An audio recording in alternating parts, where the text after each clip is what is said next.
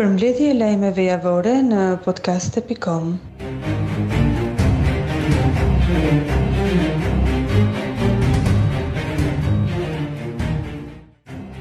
Teksa kanë kaluar dy ditë nga ngjarja ku dy shtetas rusë dhe një ukrainas tentuan të hynin në godinën e zonës ushtarake të Gramshit, vihet re që institucionet ruse, si Ministria e Jashtme dhe Ambasada Ruse në Tiranë kanë rënë në heshtje.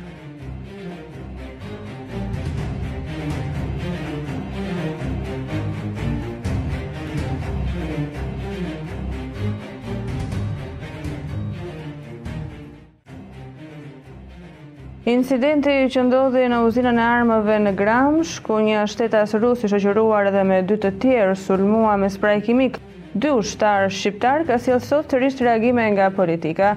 Sali Berisha në një deklaratë për mediat e ka konsideruar si një kërcënim të madh për sigurinë kombëtare incidentin në uzinën e armëve në Gramsh, të cilin e ka bërë Edi Rama.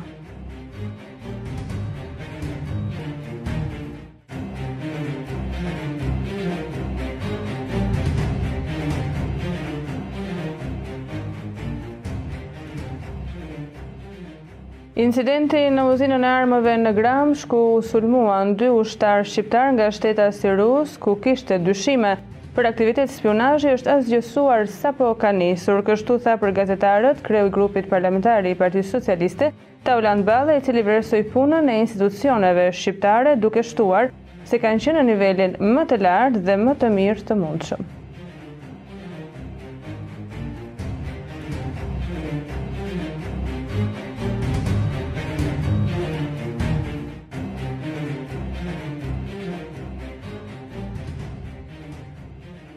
Ministri i Mbrojtjes Niko Peleshi në një konferencë për shtyp ka folur lidhur me ngjarjen e ndodhur në uzinën e armëve në Gramsh. Ministri i Mbrojtjes Niko Peleshi gjatë fjalës së tij tha se çdo situatë është ndjekur dhe trajtuar me seriozitet.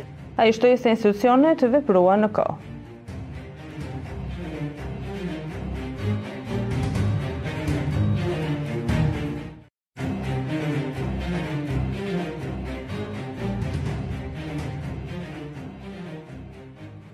Kryetari i grupit parlamentar i Partisë Socialiste Taulant Balla ka sqaruar propozimet për ndryshimet ligjore që prekin çështjet e fundit me autoritetin e dosjeve. Balla u shpreh se nismat janë depozituar me qëllim heqjen e pengesave për shqyrtimin e pastërtisë së figurës së personave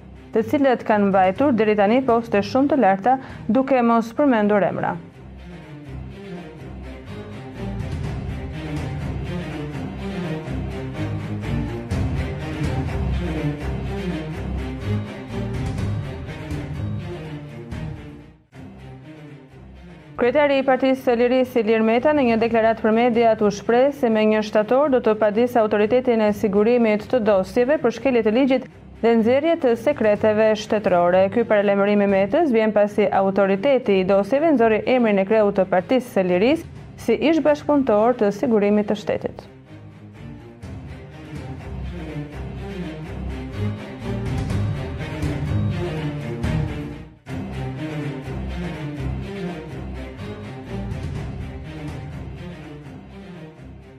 Luiza Gega, e cila u shpall kampione Europe, është pritur me ceremoni ditën e sotme në aeroportin e Rinasit. Atletja kuqezi e veshur me ar u rikthye këtë të hënë në atdhe ku u prit në Rinas nga ministrja e Arsimit dhe Sportit Evis Kushi dhe nga presidenti i Komitetit Olimpik Kombëtar Shqiptar Fidel Ylli. Gega u shpall kampione e Europës në garën me pengesa prej tre mijë metrash duke vendosur rekord në Europë. Gega fitoi medalje ari duke u ngjitur kështu në majën e atletikës evropiane dhe duke krenuar një komb të tërë. Ky është një triumf i madh për Luiza Gegën, trajnerin e saj Taulant Stërmasi dhe atletikën shqiptare.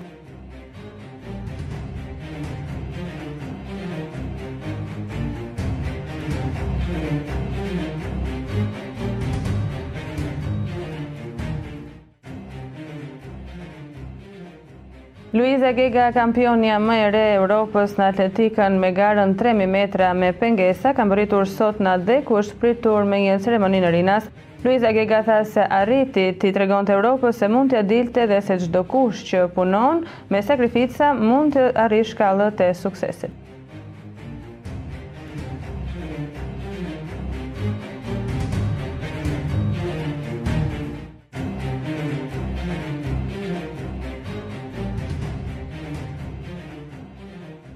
Ka arritur në 500.000 numri i pelegrinëve që janë bërë pjesë e pelegrinazhit në malin e shenjtë të Tomorrit, të ardhur jo vetëm nga Shqipëria, Kosova dhe Maqedonia, Por edhe nga shumë vende të tjera të botës. Pelegrinët pasi kanë kaluar një natë në malin e Tomorrit, kanë kryer edhe ritet e kësaj feste. Në fjalën e tij, Baba Mondi bëri thirrje për më shumë paqe dhe mirësi, ndërsa ka uruar të gjithë besimtarët.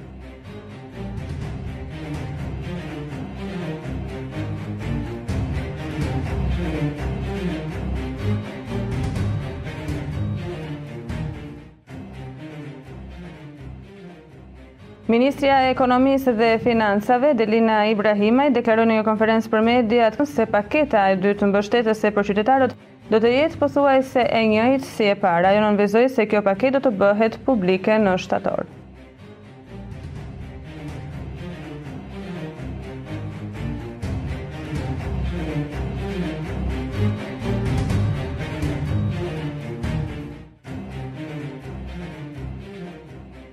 Deputeti i Partisë Demokratike Belind Këlliçi në një deklaratë për mediat u shpreh se inceneratori i Tiranës është një rast flagrant.